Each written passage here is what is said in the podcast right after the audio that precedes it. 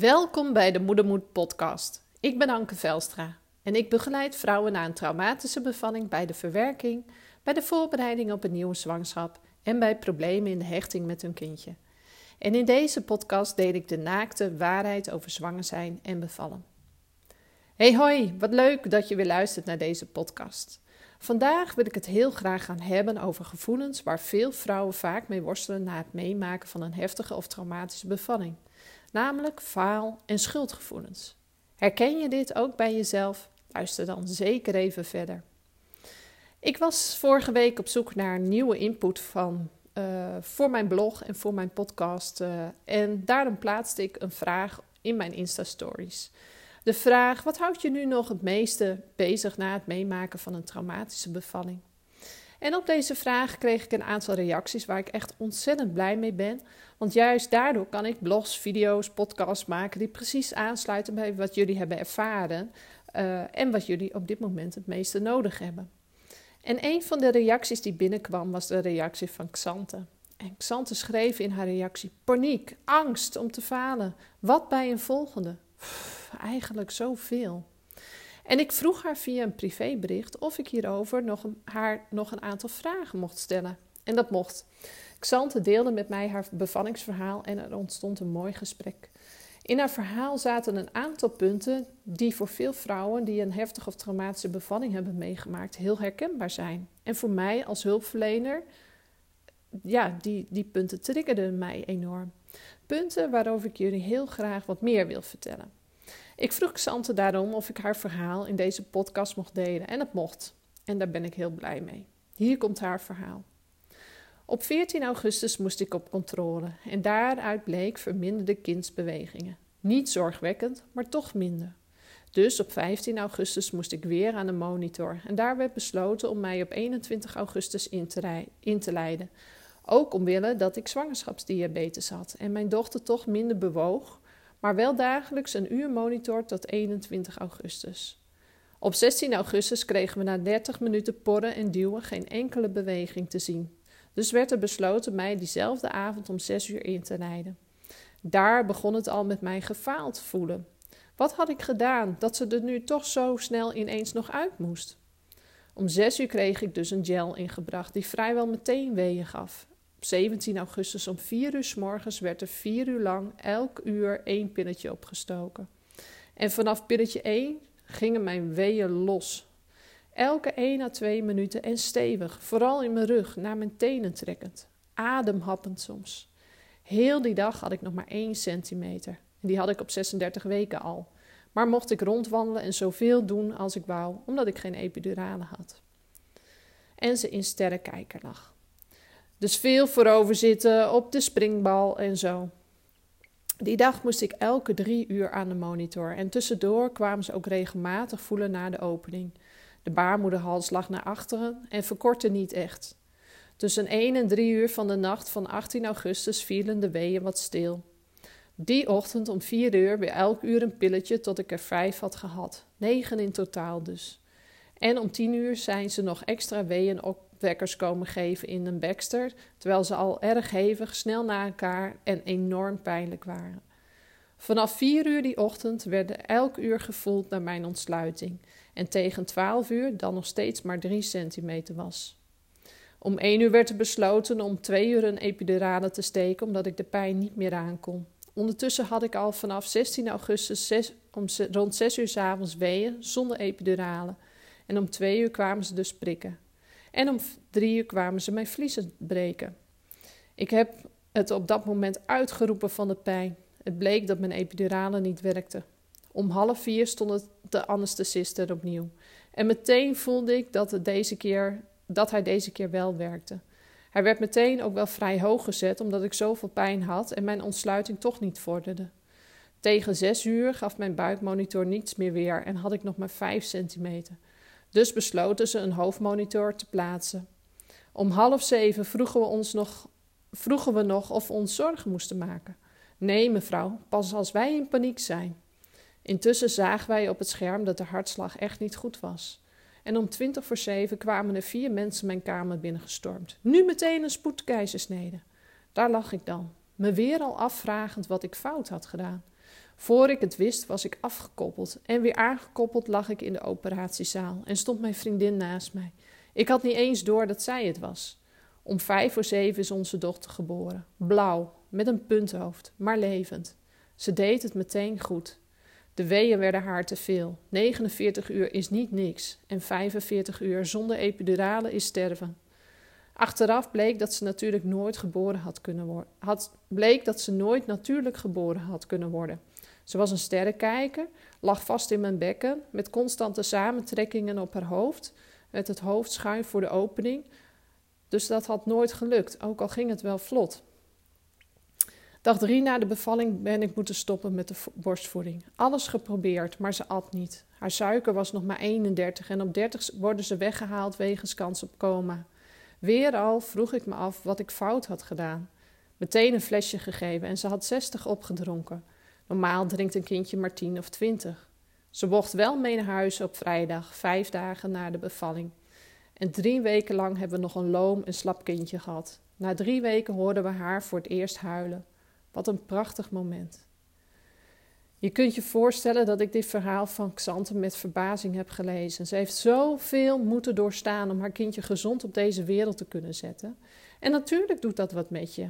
Xante gaf ook aan dat dit hun eerste kindje was en dat ze totaal niet het idee had gehad dat dit niet de normale gang van zaken was tijdens een bevalling. Ze maakte er zelf dan ook eerst niet zo heel erg veel van, tot haar omgeving haar vertelde dat dit niet oké was en dat dit niet de normale gang van zaken is tijdens een bevalling. En sindsdien heeft ze last van angst. Ze is alsnog bang om haar kindje te verliezen. Ze is erg bezorgd en vindt het moeilijk om de zorg voor haar kindje uit handen te geven. En toch, het klinkt misschien gek, is dit een hele normale en logische reactie op wat ze heeft meegemaakt. Ze is haar kindje bijna verloren. Ze heeft echt gevreesd voor haar leven. Ik bedoel, dat, dat er in één keer vier mensen je kamer komen instormen van nu een spoedkeizersnede. Dat je eigenlijk al zelf op de monitor hebt gezien dat het niet goed ging met haar hartslag. Dat doet wat met je. En normaal gesproken verwacht je dat deze gevoelens naarmate de tijd vordert uh, verminderen in de weken na de geboorte. En als dat na zes tot acht weken nog niet is gebeurd en de gevoelens nog steeds in dezelfde mate of misschien zelfs erger aanwezig zijn, kan dit, dat, gevoel van angst om je kindje te verliezen, overbezorgd zijn, een symptoom zijn van een niet goed verwerkte bevalling. En misschien moet je daar nog wat mee.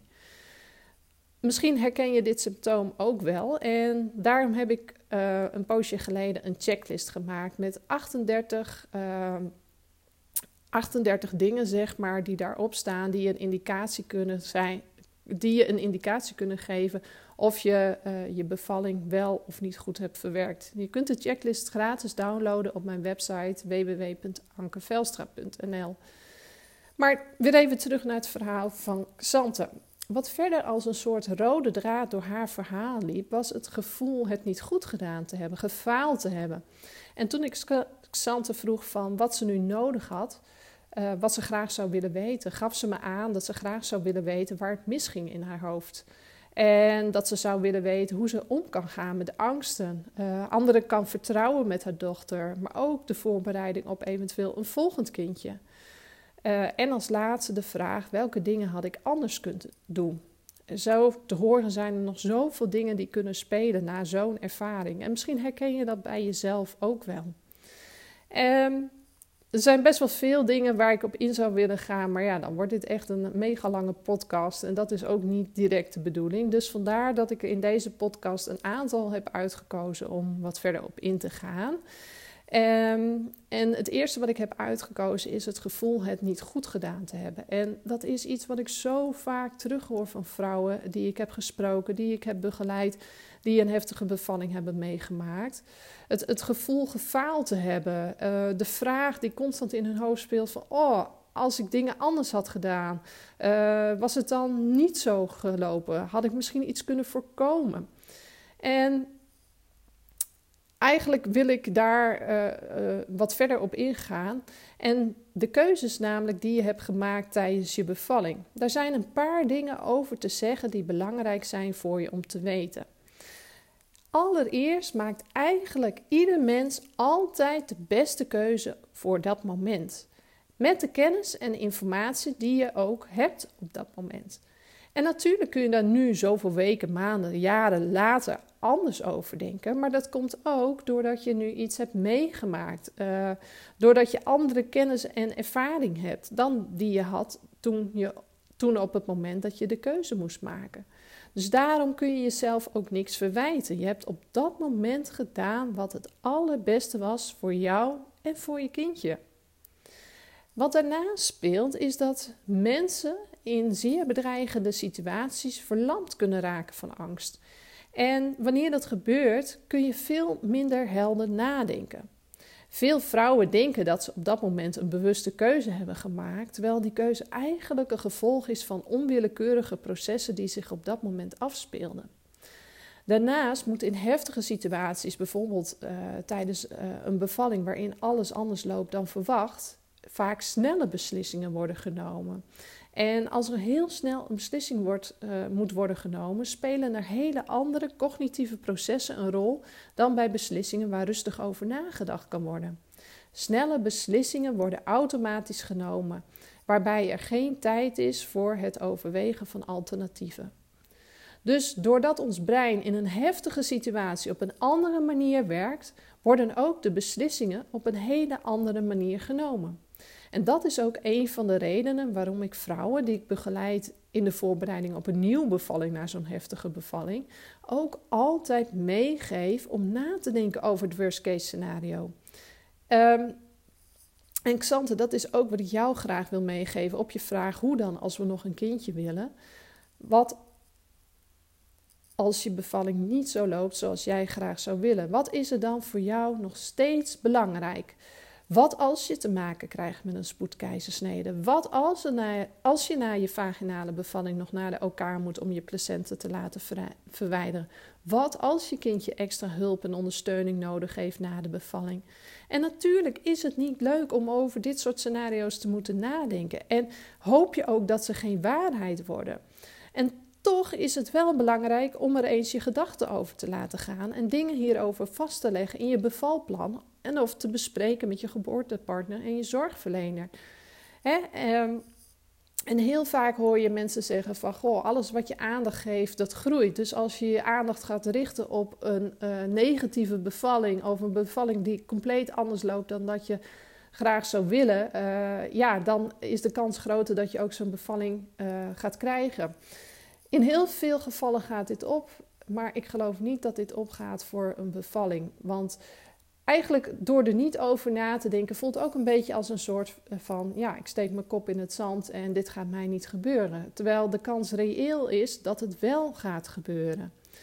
En door er van tevoren al over na te denken, vanuit een stukje rust, kun je op een hele andere manier beslissingen nemen. Kun je de verschillende opties tegen elkaar afwegen. Kun je de voor- en nadelen met elkaar vergelijken. Je kunt je nog een beetje verdiepen in van hé, hey, ik noem maar wat, stel uh, een inleiding.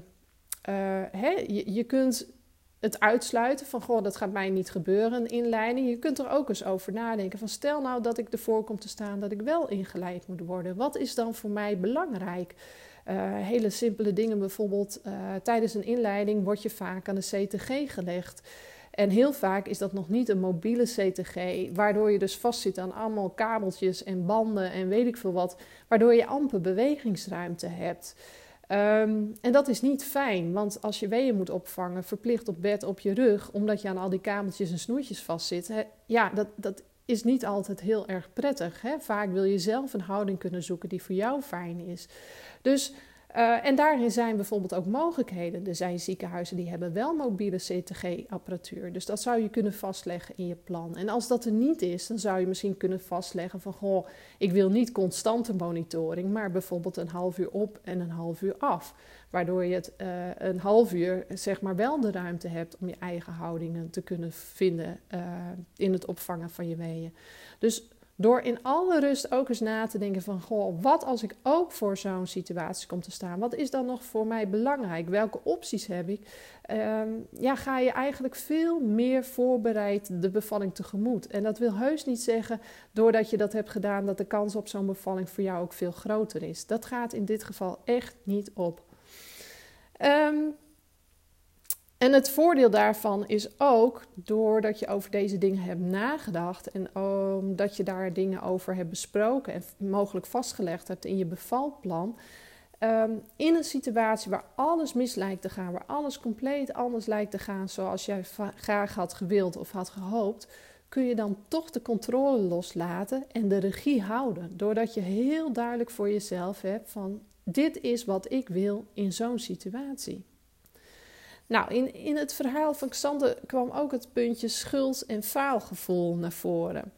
En als we het hebben over schuldig voelen, schuldig is een overlevingsmechanisme om een situatie waarin we ons hulpeloos en machteloos hebben gevoeld te kunnen overleven. En schuldgevoel geeft ons een vals gevoel van controle over een situatie die compleet buiten jouw controle lag. Je kunt jezelf de schuld geven uh, en daardoor hoef je je niet verschrikkelijk machteloos te voelen. Dat, ja, dat gevoel was er op dat moment wel. Maar door jezelf de schuld te geven, hoef je dat even niet te voelen. En toen ik me daarin aan het verdiepen was, kon ik er eigenlijk niet een heel goed Nederlands woord voor vinden. Maar in het Engels noemen we dit ook wel victim blaming. Dus ja, eigenlijk dat je jezelf de schuld geeft als slachtoffer van een situatie. En het bijzondere eigenlijk is aan deze situatie dat wij mensen schuld en schaamte vaak veel makkelijker kunnen accepteren dan uh, gevoelens van hulpeloos en machteloosheid. Een andere reden is dat vrouwen tijdens een bevalling niet altijd heel goed worden geïnformeerd over wat er aan de hand is, welke keuzes en opties ze hebben, wat de voor- en nadelen enzovoort zijn. Dit, die informatie, noemen we ook wel informed consent. En juist dat is heel erg belangrijk. Want doordat je weet wat er aan de hand is en je daardoor eh, door je, daarin door je zorgverleners ook wordt meegenomen, weet je ook dat dingen niet jouw schuld zijn. Uh, de zorgverlener hoort hierin een stukje verantwoordelijkheid op zich te nemen. En als dat niet gebeurt, dan blijft dat, dat stuk eigenlijk als een soort grote zwarte wolk hangen, wachtend tot dat iemand het op zich gaat nemen. En vaak zie je dan gebeuren dat degene die dit is overkomen, dit gaat doen. Deze persoon neemt dus de verantwoordelijkheid op zich, omdat niemand anders dit heeft gedaan. En dan moet het dus wel zijn of haar schuld zijn. En misschien klinkt dit nu een beetje abstract en daarom wil ik het aan de hand van een eigen voorbeeld wat ik zelf heb ervaren tijdens mijn tweede bevalling uh, uh, nog een keer aan je uitleggen. Mijn tweede kindje is een zoon en die is geboren door middel van een geplande keizersnee. En toen hij eruit was, bleek, uh, hè, die geplande keizersnee heb ik gekregen omdat mijn placenta voor de uitgang lag. En toen hij eruit was, bleek mijn placenta ook nog vastgegroeid te zitten in mijn baarmoeder. En op dat moment begon ik enorm te bloeden en verloor ik in hele korte tijd heel erg veel bloed. En ik begon me op dat moment steeds beroerder te voelen. En ik had ook wel het gevoel dat ik wegzakte zo nu en dan. En voor mijn gevoel heb ik dat ook constant aangegeven aan de anesthesist. En ondanks dat ik het iedere keer aangaf, kreeg ik van hem niet te horen waarom ik me zo voelde, wat er aan de hand was. Ik kreeg geen gehoor. En doordat ik dat niet kreeg, nam ik op dat moment het innerlijke besluit dat ik me misschien wel aanstelde op dat moment. Uh, dat het allemaal wel wat meeviel. Uh, en achteraf, nu weet ik dat, dat, dat ik me zeer zeker niet aanstelde. En dat ik me zo voelde omdat ik in shock aan het raken was. En als ik op dat moment iets had gehoord van: hé, hey, het klopt dat je je nu niet lekker voelt, maar we zijn heel hard aan het werk voor je om je beter te laten voelen, dan had ik dit innerlijke besluit over mezelf niet hoeven nemen. En ook in Xante haar verhaal zie je dit terug. Als de zorgverlener hier in de verantwoordelijkheid genomen had en Xante hierover beter was geïnformeerd, dan had ze nu ook niet zo hoeven worstelen met deze gevoelens van schuld en schaamte. En vaak wordt er dan uh, aangedragen door zorgverleners van ja joh, weet je, uh, er was haast, er was spoed, er moest ingegrepen worden, dus er was geen tijd om uitgebreid te informeren. En terwijl ik dit zeg, weet ik ook dat er een aantal zorgverleners ook luisteren naar deze podcast. Maar zelfs dan, in zo'n situatie, als er spoed is, als er haast is, is er nog altijd tijd om te zeggen: hé, hey, we moeten nu ingrijpen. Het gaat niet goed met jou of het gaat niet goed met je kindje. Ga je daarmee akkoord? Na afloop kom ik bij je om alles uit, aan je uit te leggen, zodat je ook snapt wat er aan de hand is. Maar we moeten nu wat doen. Alleen dat kleine zinnetje ga je ermee akkoord. Dat, het lijkt zoiets enorm kleins, maar het is tegelijkertijd zo belangrijk. En het kan voor de vrouw in kwestie zoveel verschil maken in het wel of niet ontstaan van een bevallingstrauma. Dus ik hoop dat de zorgverleners die naar deze podcast luisteren, uh, dat stukje ook alsjeblieft mee willen nemen. Nou, natuurlijk de vraag ook: hey, wat kun je nu doen als je met deze gevoelens na je bevalling worstelt? Allereerst. Uh, Zoek hulp om je bevalling op een goede manier te verwerken. De herinnering aan je bevalling is nu niet op de juiste manier verwerkt in het lange termijn geheugen. En al deze gevoelens van angst, van paniek, van schuld, schaamte, falen zijn met je de herinnering aan je bevalling verbonden geraakt. Het verwerken door bijvoorbeeld EMDR of de Three-Step Rewind methode, die ik zelf hiervoor gebruik, helpt je om de ervaring op de juiste manier weg te schrijven in het lange termijn geheugen, waardoor deze gevoelens van schuld, schaamte, paniek, angst kunnen verminderen of zelfs verdwijnen. En in de meeste gevallen voor de meeste vrouwen is dit genoeg. Heel soms merken vrouwen toch dat ze nog last houden van die onbewuste besluiten. Hè, wat ik net ook vertelde in mijn ervaring. Hè, nadat ik wist van, goh joh, weet je, ehm, ik kon er echt niks aan doen. Het was logisch dat ik me zo voelde, want ik was enorm veel bloed aan het verliezen kon ik dat innerlijke besluit loslaten. Maar dat geldt niet voor iedereen zo. Dus mocht het blijken dat je na het verwerken van je bevalling nog last hebt van dat soort innerlijke besluiten over jezelf, zou je daar nog verder aan kunnen werken. Bijvoorbeeld door een stukje coaching of uh, bijvoorbeeld een stukje cognitieve gedragstherapie. Nou, herken je in, in de dingen die ik heb verteld in deze podcast, herken je dingen uit het verhaal van Xante?